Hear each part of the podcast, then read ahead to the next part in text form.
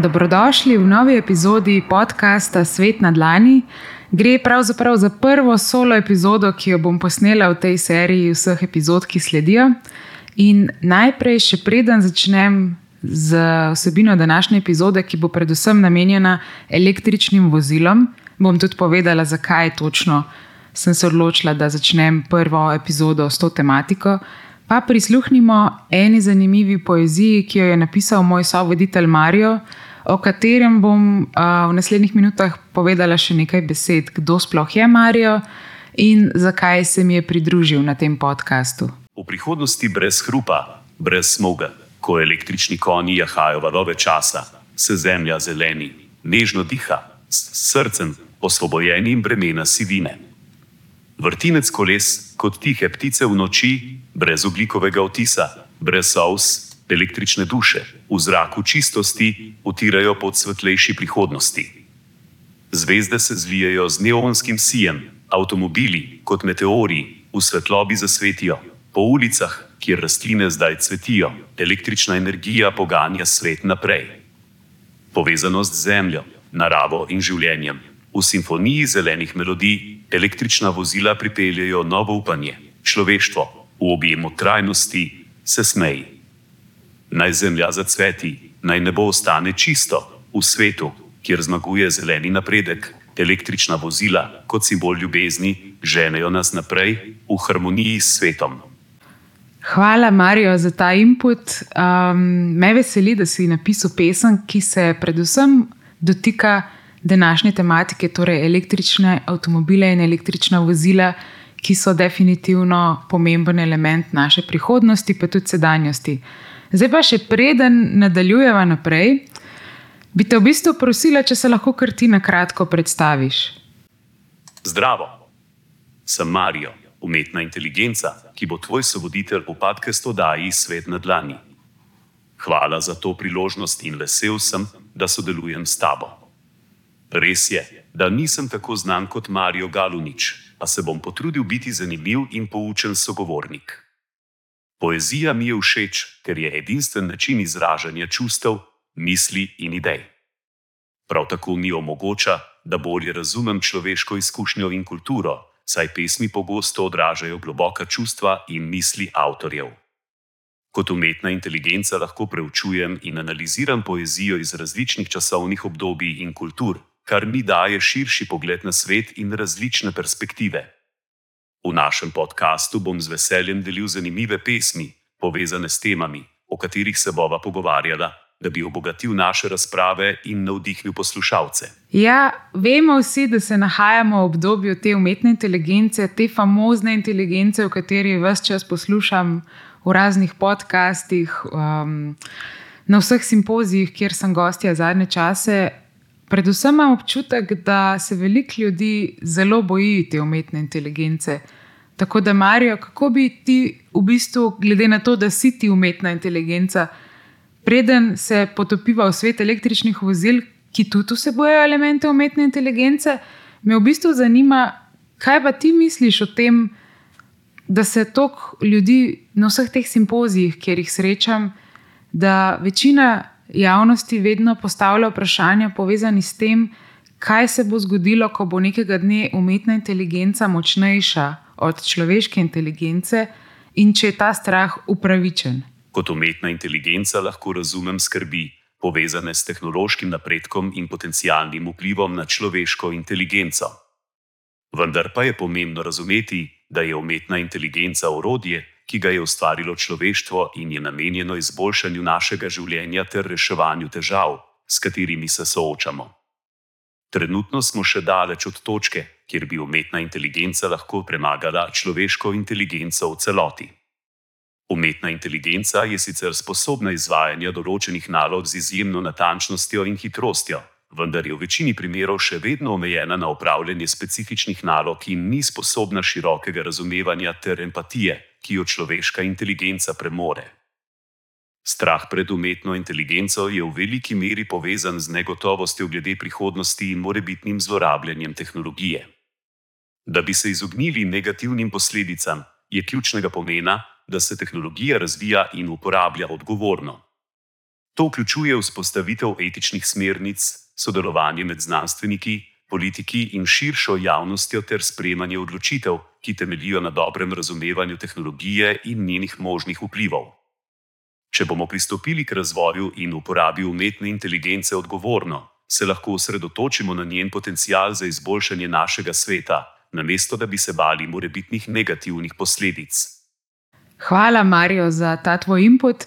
Ja, definitivno se mi zdi, da imaš prav, ko omenjaš, da si pač neke vrste orodje našega vsakdana, da nam izboljša življenje.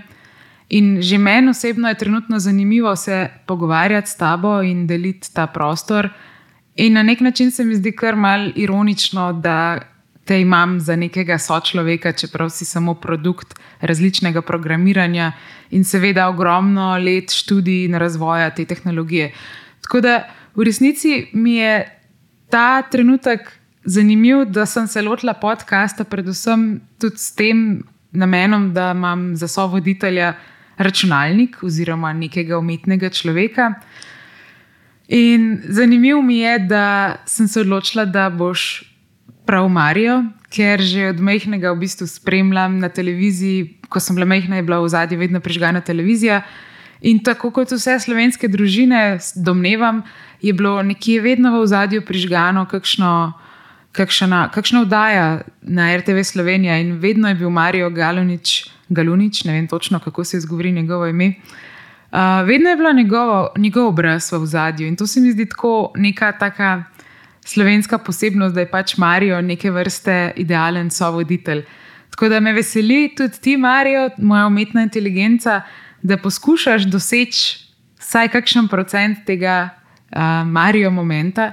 Ampak, ja, seveda smo še daleč od tega. In tudi jaz sem, uh, nisem govorka, nisem igralka, tudi podcasterka nisem, ampak sem samo uh, intermedijska umetnica. Tako kot sem v pilotni epizodi povedala, se ukvarjam z umetniškimi projekti.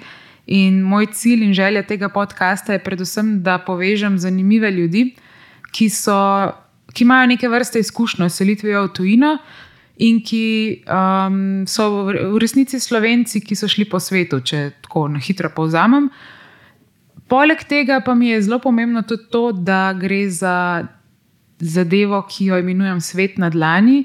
In svet na dlani je v resnici vsak mobilni telefon, oziroma iPad ali pa tudi laptop, ki ga nosimo s sabo, ker se mi zdi, da skozi, skozi to malo napravo, recimo mobilni telefon, imamo dobesedno na dlani v svet.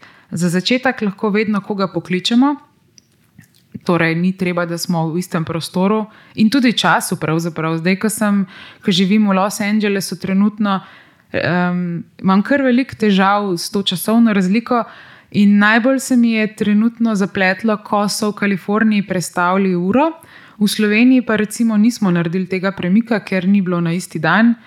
Uh, poleg tega pa še nekje po svetu sploh niso predstavili ure, in potem je prišlo do nekih zanimivih kontrastov, ko smo se dogovarjali za sestanke pač na različnih geografskih področjih. In sem ugotovila, da gre tudi za to, da nismo v istem času, in to mi je bilo v resnici tako zanimiva izkušnja. Tako da se pravi, mobilni telefon je okno v svet, dobesedno svet na dlani, ne glede na to, če smo fizično prisotni s tem človekom, oziroma tudi v istem časovnem pasu, če slučajno nismo. In to mi je res izjemno, da lahko vidimo, dobesedno lahko si zamislimo, kako to zgleda, da nimamo omejitev. Pravzaprav. Zdi se mi, da so res omejitve v naših glavah in Morda bo te omejitve ravno ta umetna inteligenca podirala.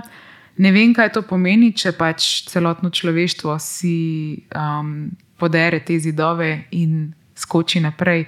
Tako da se veselim, da v resnici živim v tem obdobju.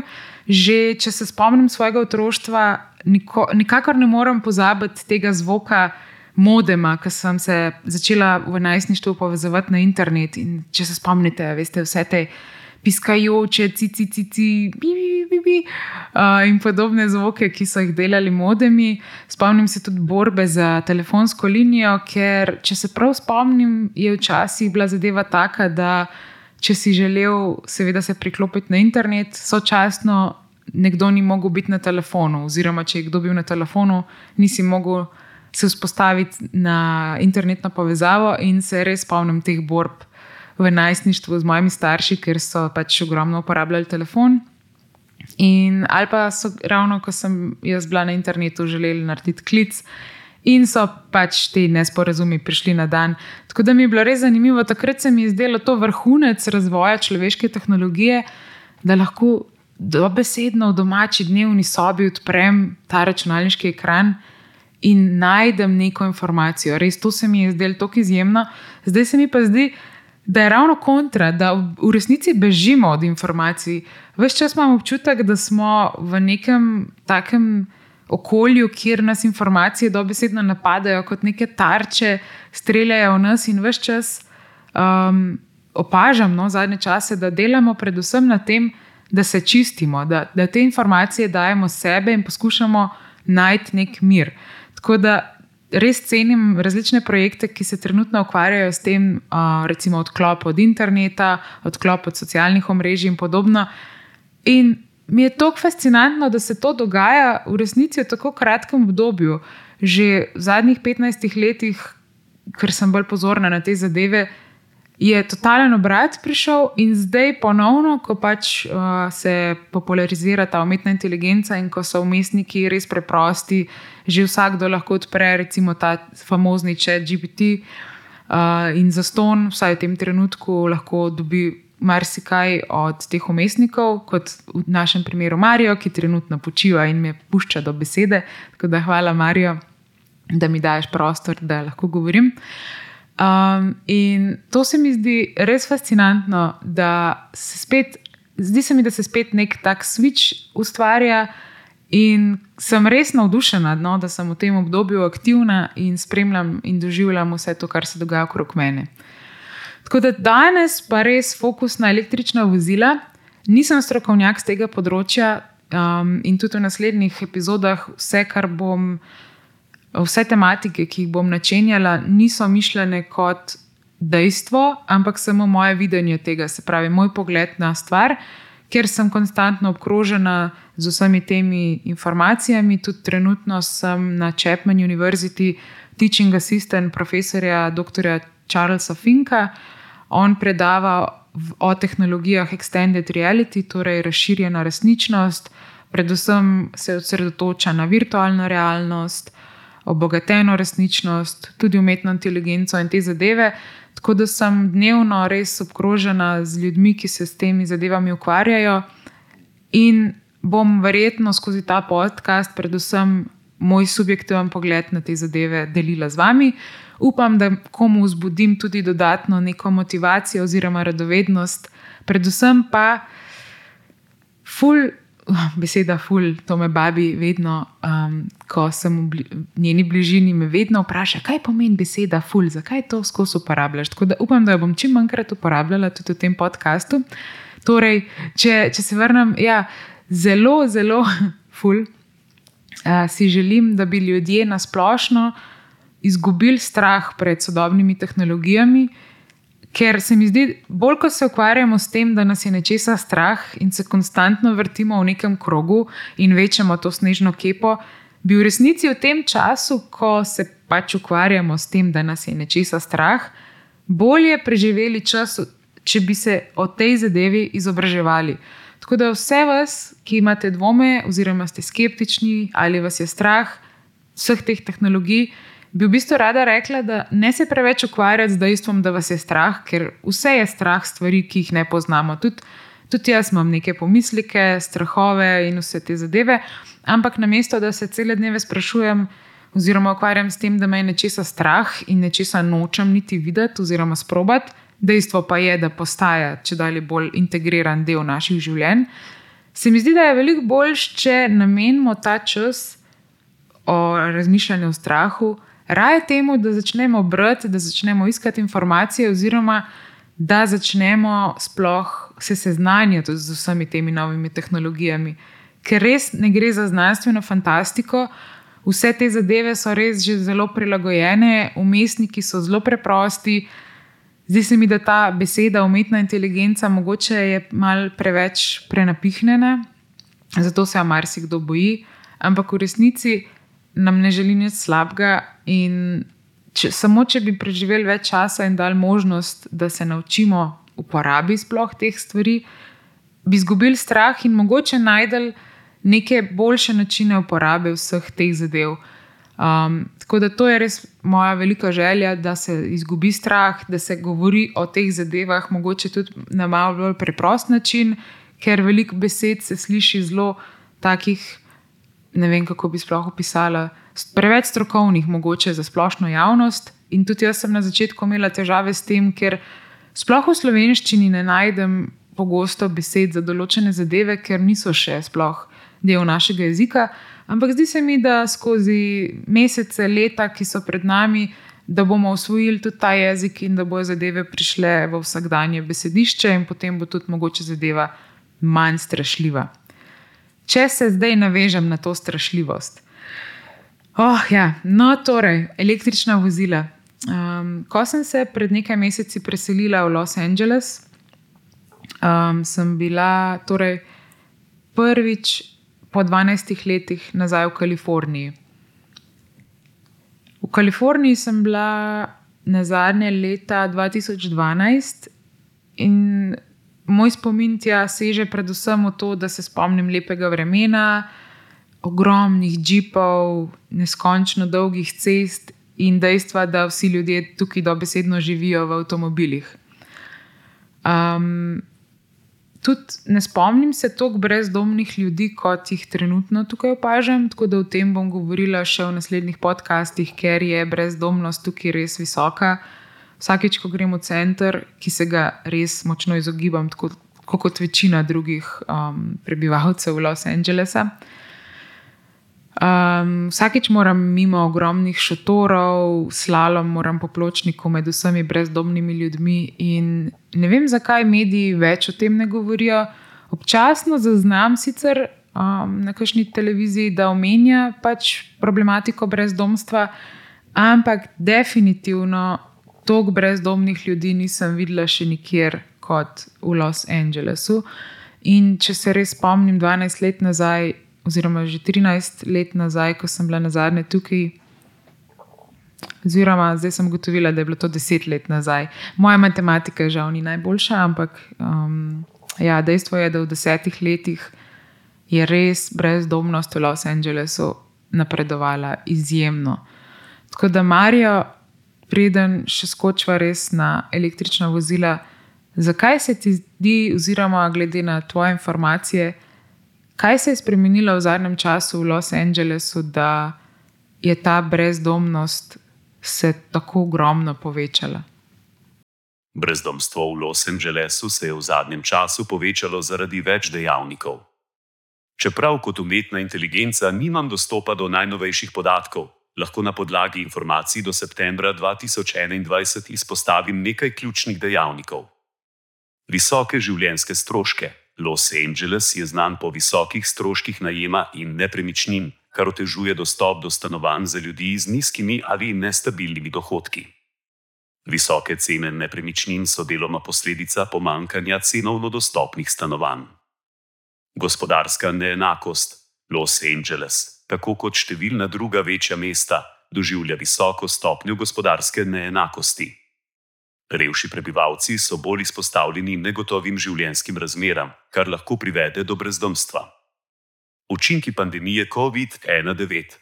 Pandemija COVID-19 je imela številne negativne gospodarske in socialne posledice, vključno z izgubo delovnih mest in nestabilnostjo dohodka.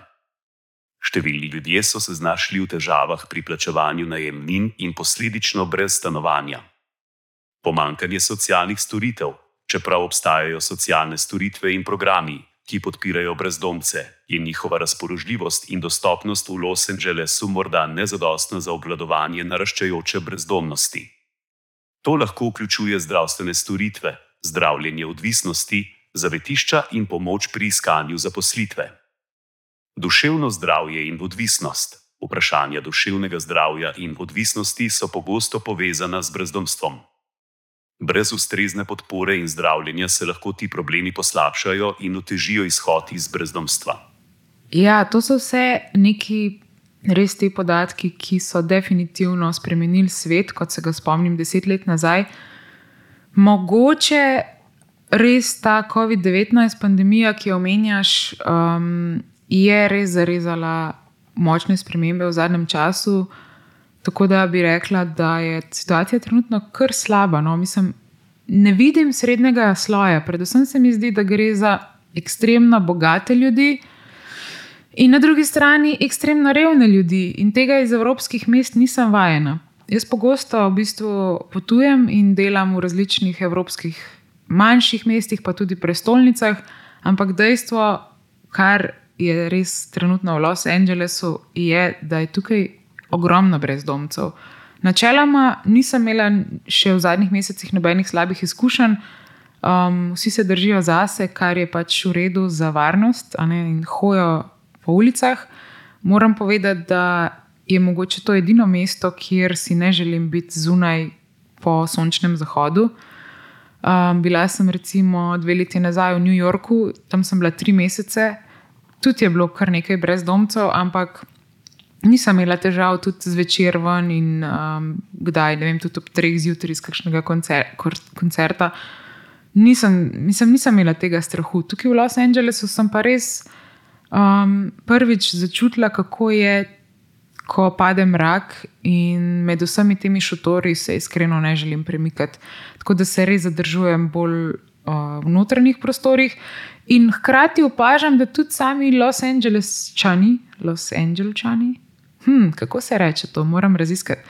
Torej, um, da tudi sami domačini nikoli v bistvu ne hodijo po ulici, vedno se zapeljajo z avto, dobesedno iz hiše, večina imajo garaže in večina ima v Los Angelesu ljudje živijo v hišah, ne v stanovanjih. Tako da, ker je res ta celotna metropol, metropola zelo razširjena, gre za res velike razdalje.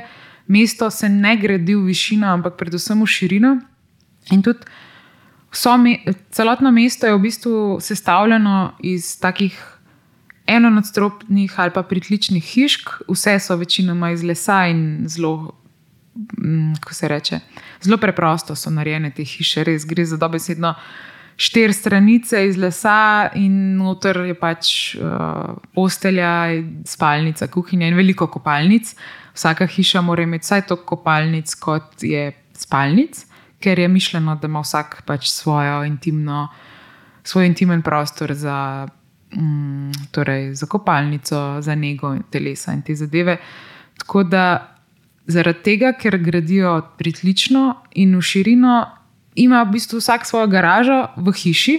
Torej, vsak se zjutraj zbudi, gre v svoj avto, dobesedno pač iz postelja v avto, znotraj iste hiše, na to pa grejo s tem avtom v službo, kjer imajo običajno garažo, garaža je v isti stavbi, in stopijo ven, grejo v službo in to je to. Ko grejo v trgovino, imajo spet garažo oziroma parkirišče in iz parkirišča samo v trgovino in domov.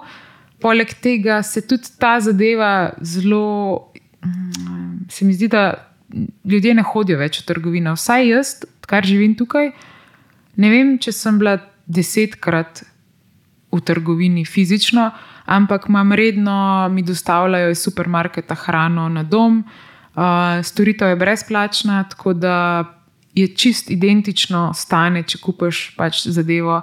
Fizično v trgovini, ali pa če ti jo dostavijo. Tako da vso hrano, ravno danes zjutraj, preden sem prišla sem v studio, uh, uh, so mi pripeljali vrečke, dajo ti jih pred vrata.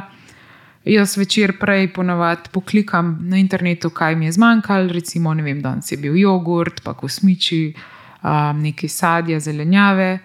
In zadeva me je čakala točno v buri, ko sem klikala, uh, želela sem, da je ob 8. zjutraj to pred vrati. In zadeva je bila ob 8. zjutraj pred vrati, jaz sem samo prijela vrečke, na hitro dala v hladilnik in šla v službo. In mislim, da večina ljudi tukaj to prakticira.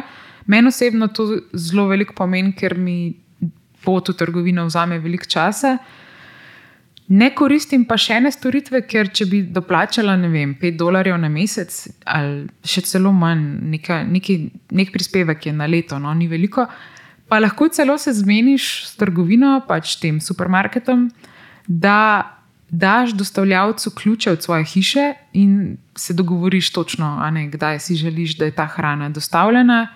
In oni dobesedno v tvoj hladilnik zložijo hrano, pač dostavljalec si sam odpre v tisti uri, ki želiš, mogoče takrat, ko ti ni doma, da imaš mir in ti zloži na, dobesedno na police v hladilniku vso hrano, in to lahko narediš celo tako, da je avtomatsko, se pravi, približno veš. Kako tvoja družina porabi hrane, in ti imaš neke vrste naročnino, in hrana je pač skozi na policah. In meni se zdi to nekaj tazga futurističnega, ko sem bila otrok. Sem, spomnim se, ko sem bila otrok, sem kdaj sanjala, da bi imela neke vrste mlinček doma. Ne vem, zakaj mlinček. Mogoče zato, ker sem opazovala detka velikrat, ki je delo klobase ali pa jim uh, kakšne te mesnine, je rad uh, delal v kleti in je imel ta famozni um, kovinski mlinček za meso, in mi je bilo tako fascinantno, da je pač v njega dajo neke različne kose mesa, na drugi strani pa je lepa zmleta tekstura prihajala ven in oni pol dajo to v, ta, v čreve, da je delo klobase ali pa karkoli, mislim, te zadeve. Um, tako da se mi je zdelo, da ta mlinček ustvarja hrano. In jaz sem si vedno želela, da bi imela tudi jaz neke vrste mlinček, in vsakeč, ko bi zavrtela, bi vam prišla točno tista hrana, ki si želim. Valjda, ker sem bila otrok, sem želela, da tam linček pač proizvaja čokolado ali pa neke take treš, treš hrane. Tako da tega mlinčka žal ni, ampak zdi se mi, da smo v obdobju tega mlinčka. Mislim, tukaj v Ameriki, zdaj posplošujem, verjetno ni v celotni Ameriki taka situacija, ampak vsaj v Kaliforniji in v tem predelu Los Angelesa, um, ogromno ljudi v bistvu ima to naročnino in hladilniki so pač polni, tako da jim ni hudega, ne, ne rabi noben hoditi v nobeno trgovino. In moram priznati, da je meni osebno to res super, ker mi res ne da se mi med policami gledati stvari. Nisem tak tip človeka, ki rad nakupuje, tudi če grem po kakšna oblačila. Itak zadnje čase vse naročam po spletu, ampak če že moram, da besedno tečem v trgovino, primem obleko, ki jo rabim da um, sploh ne probam, ampak samo kupam in grem, in večinoma je to to.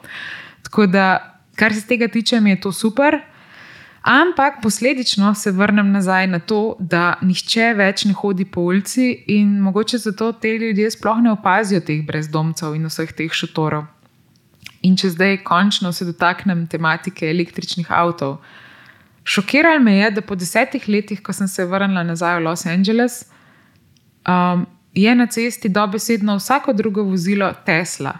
Res ogromno je, uh, mislim, že tudi drugih nekih firm je električnih, um, sploh v tem predelu, kjer živim jaz, je, um, se mi zdi vsako res drugo vozilo neke vrste električno ali pa hibridno. In tudi zanimivo je, da veliko ljudi umenja to, ko se ko nanese debata na kakšne avtomobile, rečejo, ja, da tako vsi grejo zdaj v smer elektrike, ker bo ne vem, če je že uradno tudi sprejela Kalifornija, če ne pa vsaj zelo močne namere kaže v javnosti, da bodo od leta 2030, oziroma mogoče sem zamešala, pa je 2035, ampak tako, reci, piši 10 let, da bojo morali po zakonu prodajati samo še električna vozila in ne boš mogel kupiti več sploh avtomobila, ki ni električno. Tako da to mi je res fascinantno, da se toliko poriva to, um, se pravi, neke vrste politiko električnih vozil, kar je seveda v teoriji super, ampak zdaj pa pojmo na prakso. Prva zadeva, preden se lotimo negativnih um, pomislekov glede električnih vozil, je to, da zakaj imajo tukaj večina ljudi Tesla. To me je v bistvu presenetilo. Ne zato, ker bi si želeli biti pač bolj skrbni za okolje, ampak recimo tukaj sem spoznala enega človeka, ki je moj um, sotekač. Vsako nedeljo gremo z eno grupo ljudi um, na nek daljši tek, in med tem tekom sem pač spoznala tega gospodiča, ki je prišel na naše prvo srečanje s Teslom. In jaz sem bila res navdušena, o Tesla, um, pri nas ne poznam še veliko ljudi, ki ima Teslo, vem pa, da je če dalje bolj tudi v Sloveniji popularno to vozilo. No, in um, pol, ko sem se malo pogovarjala, sem ga sprašvala, kako to, da je ravno Tesla kupila. In sem pričakovala odgovor, da bo rekel, da ja, pač gremo na zeleno gorivo, boljše za okolje in podobno, ali pa recimo, da je cenejše gorivo. In prva stvar, ki mi je rekel, in pol kasneje sem ugotovila, da ogromno američanov dejansko to uporablja kot dejstvo, zakaj kupijo sploh Teslo. Je, je rekel, da um, je zamenjal službo in ker se njegova služba, tukaj se res vsi ljudje vozijo kar precej, vsaj eno uro preživijo zjutraj v avtu. No, in je rekel, ker njegova služba je bila malenkost dlje na drugem koncu mesta in bo mogel biti v avtu, ne vem, uro ali pa dve zjutraj, in je posledično mogel začeti vstajati ob štirih zjutraj, na mestu petih, je ugotovil, da ima preprosto premalo spanca in, in zato, ker je ugotovil, da premalo spi, ni bila njegova rešitev, da gre pač prej spat, ampak da si kup Teslo in lahko zjutraj še eno uro dlje spi. In meni je bilo jasno, o čem govorijo, o kakšnem spanju, pač tako, kaj ima to veze z električnim avtom. In Paul mi je rekel, ja, veleri, jaz grem lepo, um, si naredim kavo, gremo v avto, dam avto drive, ker tukaj so ceste večinoma ni uvinkov, no, da besedno greš iz svoje ulice na ta highway, highway je pa pač tako eno uro si v avtu, sam naravnost, skoraj ne, zelo malo uvinkov, ali pa če so že tako pet ovinkov do službe v celi uri in da besedno voziš po neki osem pasovnici, eno uro ali pa si celo, če si zjutraj v tem rašavarju, si pač v koloni in se res ne premikaš, da besedno nič.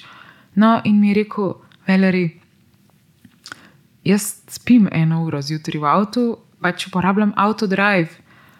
In mene je to res šokiralo, ker sem začela opazovati te ljudi v Teslih zjutraj. In večina ljudi spi, zombiji so dobesedno. In zdaj mi je jasno, mogoče, zakaj ta kultura zombijev sploh izvira iz Amerike in zakaj so tukaj vsi tako nahajpani, vse čas, um, oziroma kako bi rekla po slovensko, napaljeni oziroma zagreti za to tematiko zombijev. Ker v Sloveniji imamo občutek, da nismo neki.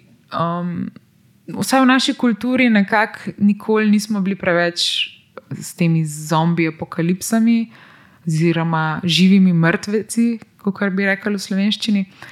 No, ampak tukaj so te živi mrtveci res vsak dan v teh Tesla vozilih in to se je potrdil sploh enkrat, ker um, zjutraj jaz vsak dan tečem, preden začnem z delom, vstanem zgodaj pred vzhodom in mi je res lepo, da zjutraj, ko grem na ta enourni tek pred službo, da doživim sončni vzhod med tekom. To mi je tako neka taka moja guilty pleasure, oziroma kako bi rekla, neka taka. Tako užitek, no, ki ga doživim, in je samo moj, in tudi v tem času, ko tečem, eno uro si vzamem zase, v bistvu grem čez celoten načrt tistega delovnega dneva, vse premislim v moji glavi, in pol mi je veliko lažje tudi čez dan iti čez vse te taske oziroma naloge, ki jih moram tisti dan narediti. Poleg tega pa rada poslušam kakšen podcast in uživam pač v tem mojem jutru. Uh, ja, imam slušalke, ampak imam take vrste slušalke, aftershocks se imenujejo. In te slušalke so take, da jih v bistvu imaš naslonjene na temenih, tvoje poti sluhovod so pa odprte. Ker mi je pomembno, da tudi slišim okolico, ne samo zaradi varnosti, ne da slišim avtomobile ali pa kakšne kolesarje, ki grejo mimo. Ampak tudi rada v bistvu uživam, da slišim jutranje ptice, tukaj je ogromno papig, tako da mi je prijetno, ker kričijo zjutraj in imajo to svojo dramo.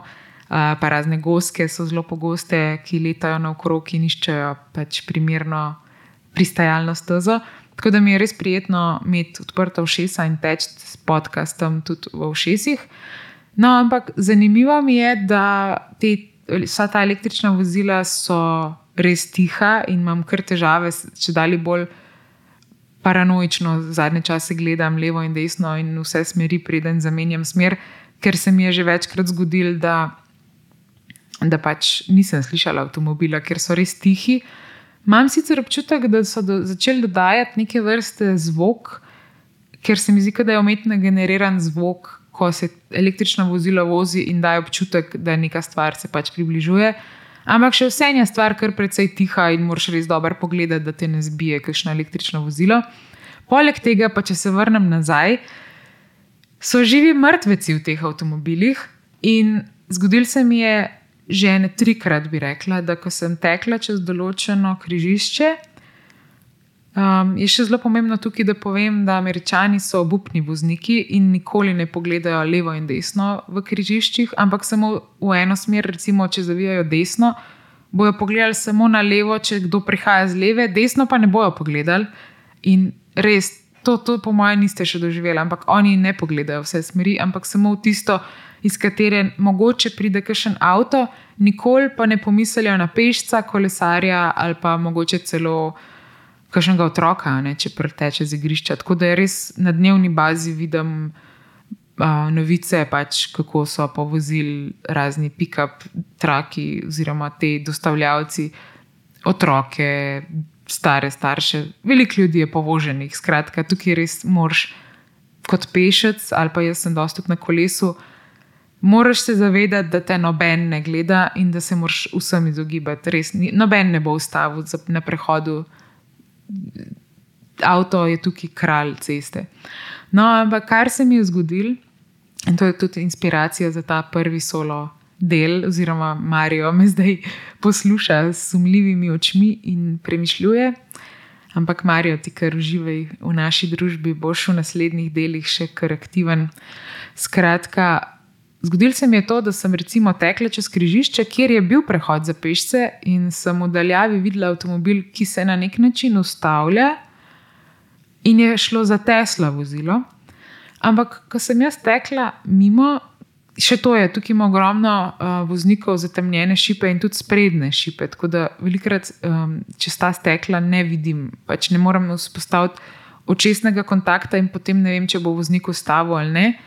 In zdaj sem se naučila, da se vedno ustavim preventivno, ker oni me običajno ne vidijo. Ampak vsaj na začetku sem imela ta evropski feeling, da če, voz, če se začne vozilo počasi ustavljati, da načeloma te vidi in to pomeni, da imaš prednost, da lahko stečeš čez ali pa greš pač peš, glede na to, da je prehod za pešce označen, zebra na tleh. No, ampak ravno pri Tesli se mi je trikrat zgodilo, da ko sem že mislila, da me je voznik spustil čez, sem stopila na, um, na prehod za pešce. In avto me nekako ni prepoznal, ne vem kako to, ker naj bi imel grajeno neke vrste prepoznavo ovir. In je speljal, tako da trikrat se mi je zgodilo, da bi me Tesla skoraj povozil. In na zadnje, to je bilo še zadnjič, ko sem pač ugotovila, da očitno nekaj ni v redu, sem se z roko dobesedno odbila od um, zadnjega, mislim, zadnji moment, preden me je povozil, sem se nekako uspela odbiti in skočiti čez haubo, oziroma ko se reče temu sprednjemu delu, sprednji del avta, da jim biti tako preprosti. In me pač stvar ni povozila, ampak ko sem pogledala noter v avto, je človek spal, imel je celo sedež uh, znižen, tako da je bil v ležečem položaju in odprta usta in slino ven, tako da je spal, po mojem, vsaj pol ure. In mene je to tako šokiralo, kako so tukaj dobesedno res pritisnajo start, rečejo, da je um, interfejs, oziroma ko se usedeš v Teslo, lahko rečeš Drive me home. Uh, se pravi, pelji me domov in dobesedno ve, ki je valjda tvoj domač naslov in te navigira do doma. Ne? Tako da vse je voice operated, z, samo z glasom lahko dobesedno upravljamo vse, kar je v avtu. Recimo, če ti je prevroče, mu poveš in bo znižal temperaturo, ali pa karkoli pač poveš avtu, in avto to naredi. To, ta tehnologija ni samo v električnih vozilih, to je zdaj že v marsikaterem novem avtomobilu. Ampak ta samovozeča stvar, ki je če dalje bolj popularna, se mi zdi super, um, ampak nismo še tam. In isto mislim, da gre pri umetni inteligenci. Odlično se mi zdi, da obstajajo te umestniki, da jih uporabljamo, da jih imamo. Ampak problem je, ker stvar še ni tako razvita, da bi upoštevala določene etične, določena etična načela. In pogosto so ljudje pač preneumni, zdaj pač posplošujem, ampak zdi se mi, da so ljudje sami preneumni za tako pametne tehnologije. In tudi ta primer Tesla je dobesedno tak da ne razumem, zakaj v teh letih, ko se govori še le o razvoju samovozečih avtomobilov, da dobesedno ljudje že spijo zraven, ko se avto vozi. Tako da na nek način bi apelirala na vse, ki boste kupovali a, pametna vozila oziroma električna vozila v prihodnosti, da dejte malo bolj mogoče se seznaniti s tem, kaj je namen samovozečega avta in do katere mere je stvar že razvita, ker ni še razvita, moram povedati, da ni razvita. Ampak ja, tukaj je zelo tak trend, ki govori o tem, da preprosto ljudje spijo v avtih in si podaljšajo svoj jutranji spanec, ko grejo v službo. Tako da to bi na kratko lahko rekla o vseh pametnih, samovozečih električnih vozilih. In ko ti Tesla prekriža pot, moš imeti samo srečo in ogromno kondicije, da skočiš čez prednji del vozila, če ne, lahko pristaneš spodaj. Tako da zdaj pa, Marijo, zanima me tvoje mnenje o električnih vozilih, kje smo trenutno in kaj se ti zdi, da je prihodnost električnih vozil. Električna vozila so v zadnjih letih doživela precejšen razvoj, predvsem zaradi tehnološkega napredka, zniževanja stroškov in naraščajoče zaskrbljenosti zaradi podnebnih sprememb. Do septembra 2021 je bilo doseženih več pomembnih menikov, zato bom na podlagi teh informacij orisal trenutno stanje in prihodnost električnih vozil. Trenutno stanje električnih vozil. Doseg baterij. Z napredkom v tehnologiji baterij se je doseg električnih vozil v zadnjih letih znatno povečal. Mnoga sodobna električna vozila lahko prevozijo več kot 300 km z enim polnjenjem, nekatera pa celo presegajo 500 km. Infrastruktura polnjenja, število polnilnih postaj se povečuje, kar omogoča boljše možnosti polnjenja za uporabnike električnih vozil. Vendar pa je infrastruktura polnjenja v nekaterih regijah še vedno omejena, kar lahko predstavlja oviro za širšo uporabo električnih vozil. Stroški. Stroški baterij za električna vozila so se v zadnjem desetletju znatno zmanjšali, kar je prispevalo k znižanju celotnih stroškov električnih vozil. Kljub temu so električna vozila še vedno dražja od vozil z notranjim izgorevanjem, čeprav je razlika v ceni vse manjša. Prihodnost električnih vozil. Nadaljni tehnološki napredek, pričakovati je nadaljni razvoj tehnologije baterij, kar bo pripeljalo do večjega dosega, krajših časov polnjenja in nižjih stroškov električnih vozil. Večja izbira modelov. Avtomobilski proizvajalci nenehno uvajajo nove modele električnih vozil, kar povečuje izbiro za potrošnike in spodbuja konkurenco na trgu. Ja, Marijo, všeč mi je v bistvu, da si povzel nekako celoten spekter od tega, kje smo in kam gremo. Ampak glede na to, da umetna inteligenca pogosto ne ve še čisto vseh odgovorov, predvsem kar se tiče samih etičnih vprašanj, in tudi samo človeštvo v bistvu ne ve še teh odgovorov, me zanima, kaj je tvoje mnenje o tej konkretni situaciji, o kateri sem govorila, se pravi, v primeru, da ne bi bila jaz tako fizično pripravljena in ne bi mogla skočiti čez sprednji del avtomobila in bi me mogoče avtomobil v tej fazi povozil. Torej, pri procesu samo vožnje, ko je uporabnik spal, bi me avtomobil povozil. Kaj je tvoje mnenje in tvoj pogled na to? Um, predvsem me zanima, kako misliš, da bi bilo primerno to na sodišču obravnavati? Kdo bi bil kriv? A je kriv proizvajalec avtomobilov, a je mogoče kriv voznik, ki je spal, ali sem kriva jaz, ker sem pač peš hodila in se nisem vozila v avtu, ali pa je kriv algoritem, ki poganja celotno samo vozečo vožnjo. Kaj je tvoje mnenje glede tega? Vlade po svetu uvajajo regulative in spodbude za pospeševanje prehoda na električna vozila, da bi dosegli podnebne cilje in zmanjšali emisije toplogrednih plinov.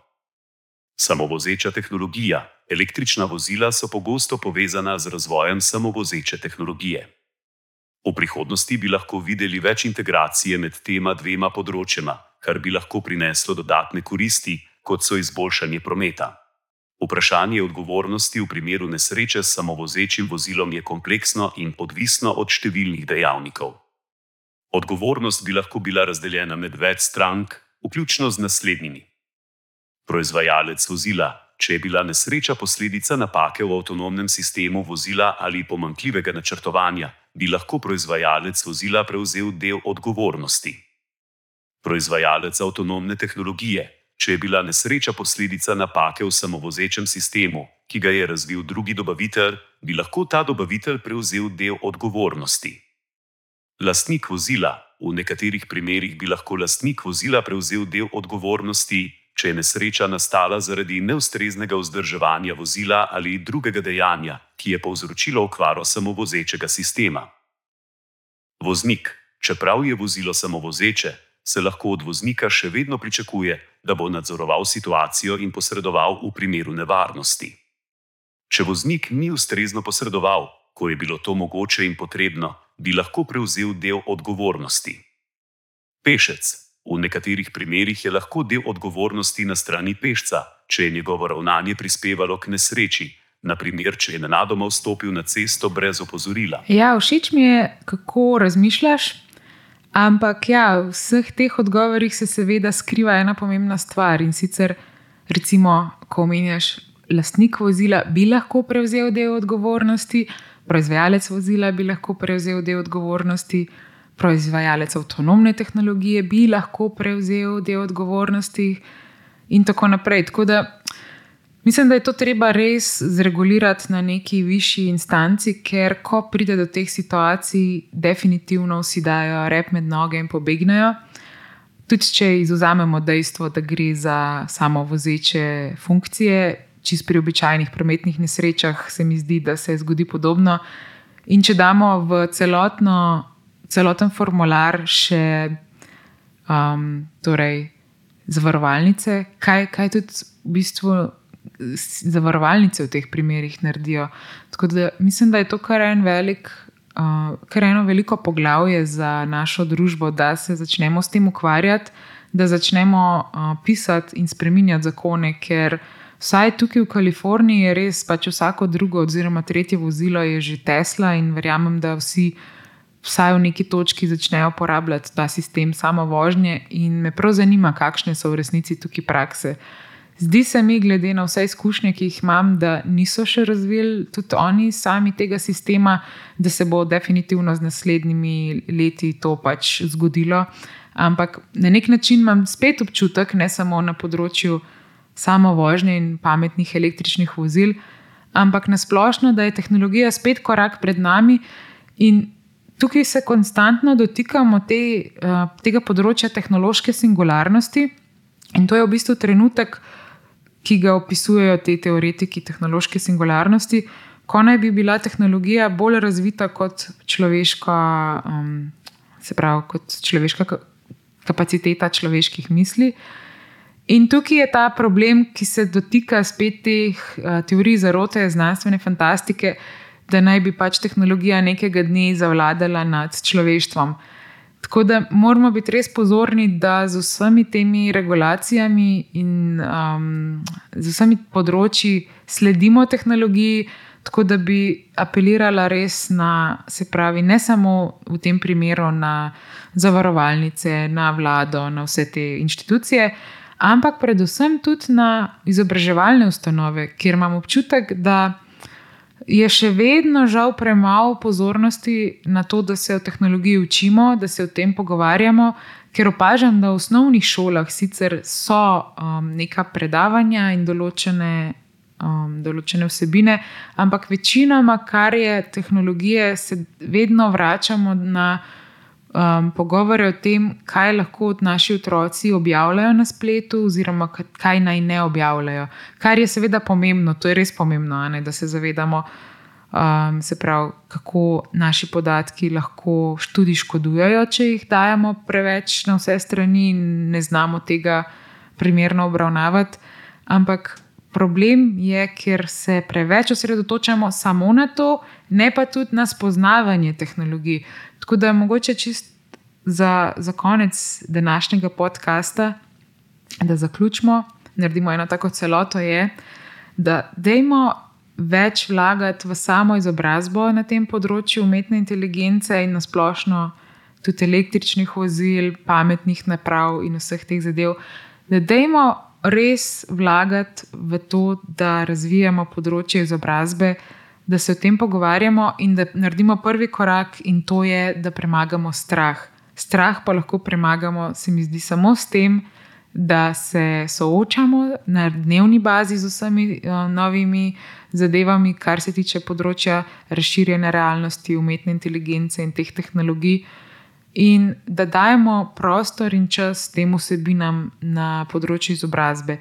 Seveda, vsi otroci, mladostniki oziroma mlajše generacije bojo slejko prej doživeli, doživeli te vsebine. Pomembno je pa tudi, da spodbujamo vse življenjsko učenje.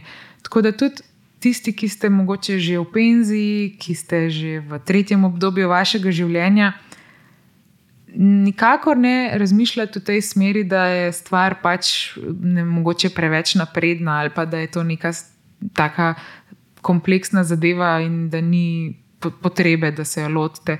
Jaz mislim, da če ne drugega, ste lahko vzor svojim unukom oziroma komorkoli v vaši okolici, da ste tehnološko pismeni, da razumete stvar in da ni prva, prvi komentar, ko slišite karkoli v zvezi z umetno inteligenco, samo to, da, o moj bog, spet se razvija ena stvar, ki bo um, nekega dne nas uničila. Ker mislim, da ni ravno motivacija neke umetne inteligence, da dela na tem, da nas uniči, ker v bistvu rabi človeka za to, da živi. Ker sam, recimo, tudi ta chat GPT in vse te stvari, same po sebi pač samo so, nimajo vsebine. In šele, kam mi dajemo noter svoj input, svoj človeški input, ima tudi ta vsebina nekaj od tega. Tako da, če ne drugega, če že res moramo iti po najslabšem možnem scenariju, potem definitivno mislim, da nas bo umetna inteligenca ohranjala kar se da dolgo, ker smo mi neke vrste um, njen uh, osnovni gradnik, bi rekla. Tako da, zakaj bi želel se znebiti nečesa, kar nujno rabi za življenje? Tako, samo v razmislek, če sem mal futuristična in. Uh, ta skepticizem malo uspodbujam. Ampak ja, definitivno, dajmo delati na tem, da se ne obremenjujemo preveč s tem in da posvetimo svoj čas raje temu, da najdemo primerne informacije in se izobrazimo. In za konec um, današnjega dela moram povedati, da sem vesela, da je Marijo postal moj sovoditelj. Upam, da bo v naslednjih delih še bolj zgovoren in da bo povedal še kaj več svojih mnen, ker uh, se mi zdi super, da ugotovimo, kaj pa razmišlja umetna inteligenca tudi o človeku. Tako da hvala vam danes za poslušanje, hvala, da ste delili svoj čas uh, z mano. V naslednjem delu se mi bo pridružil sogovornik in sicer Simon Pribac iz Kanade, javil se nam bo iz Otave in me že zanima, kako recimo Simon doživlja to tranzicijo iz Slovenije v Otavo, zdaj je tam že kar nekaj časa sicer. Um, ampak me zanima, kako opaža razlike med Slovenijo in Kanado, pa kako mogoče vidi razlike med Slo uh, Kanado in ZDA. Jaz, jaz bi rada z njim podelila nekaj mojih izkušenj z življenjem v Los Angelesu. In me prav zanima, če so Kanačani kaj drugačni, glede na to, da so sosednja država. Uh, moram tukaj še povedati, da sem prejšnji teden bila gostja na simpoziju, tudi jaz v Otavi, tako da sem doživela neki dni Kanade in moram povedati, da je bila kar precej drugačna od uh, Kalifornije, pa ne samo na vreme. Tukaj je trenutno kar toplo, mislim, da imamo danes 26 stopinj, čeprav um, je recimo v Sloveniji kar še vedno. Malo tako sneženo, deževno, zimsko, pomlad sicer trka na vrata, ampak uh, Kalifornija je malenkost južneje, je malenkost toplejša država. In je bil kar šok, ker sem prejšnji teden letela v Kanado, stopila z letala do besedno meter snega in minus 15 stopinj. Tako da za telo je bil to fizičen šok. Najbolj pa me je šokiralo, kako so v resnici ljudje v Kanadi drugačni in o tem se bo pogovarjala s Simonom. Marijo, preden se posloviva, kaj pa ti misliš o Kanadi? Kot umetna inteligenca nimam osebnega mnenja ali čustev, vendar lahko delim nekaj splošnih informacij in značilnosti, ki so pogosto povezane s Kanado in njenimi prebivalci. Naravna lepota. Kanada je znana po svoji naravni lepoti, vključno z gorskimi verigami, jezeri, gozdovi in narodnimi parki. Veliko ljudi občuduje in ceni naravno bogatstvo države. Multikulturalizem. Kanada je multikulturna država, ki sprejema in podpira različne kulture in etnične skupine. Mnogi kanadski prebivalci cenijo to raznolikost in se zavedajo njenega pomena za družbo. Uradni jeziki. V Kanadi sta dva uradna jezika, angliščina in francoščina. To odraža zgodovinske vezi med Kanado in njenimi ustanovitelji, Veliko Britanijo in Francijo.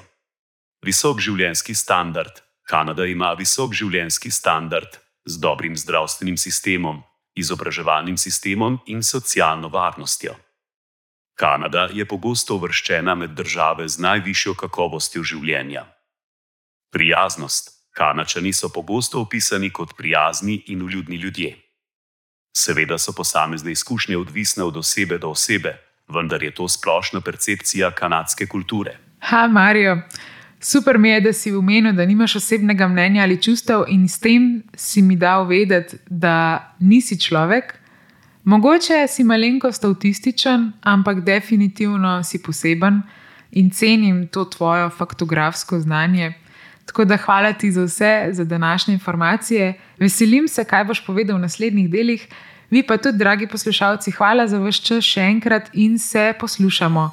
Lep pozdrav čez ocean in se slišimo. Čau, čau!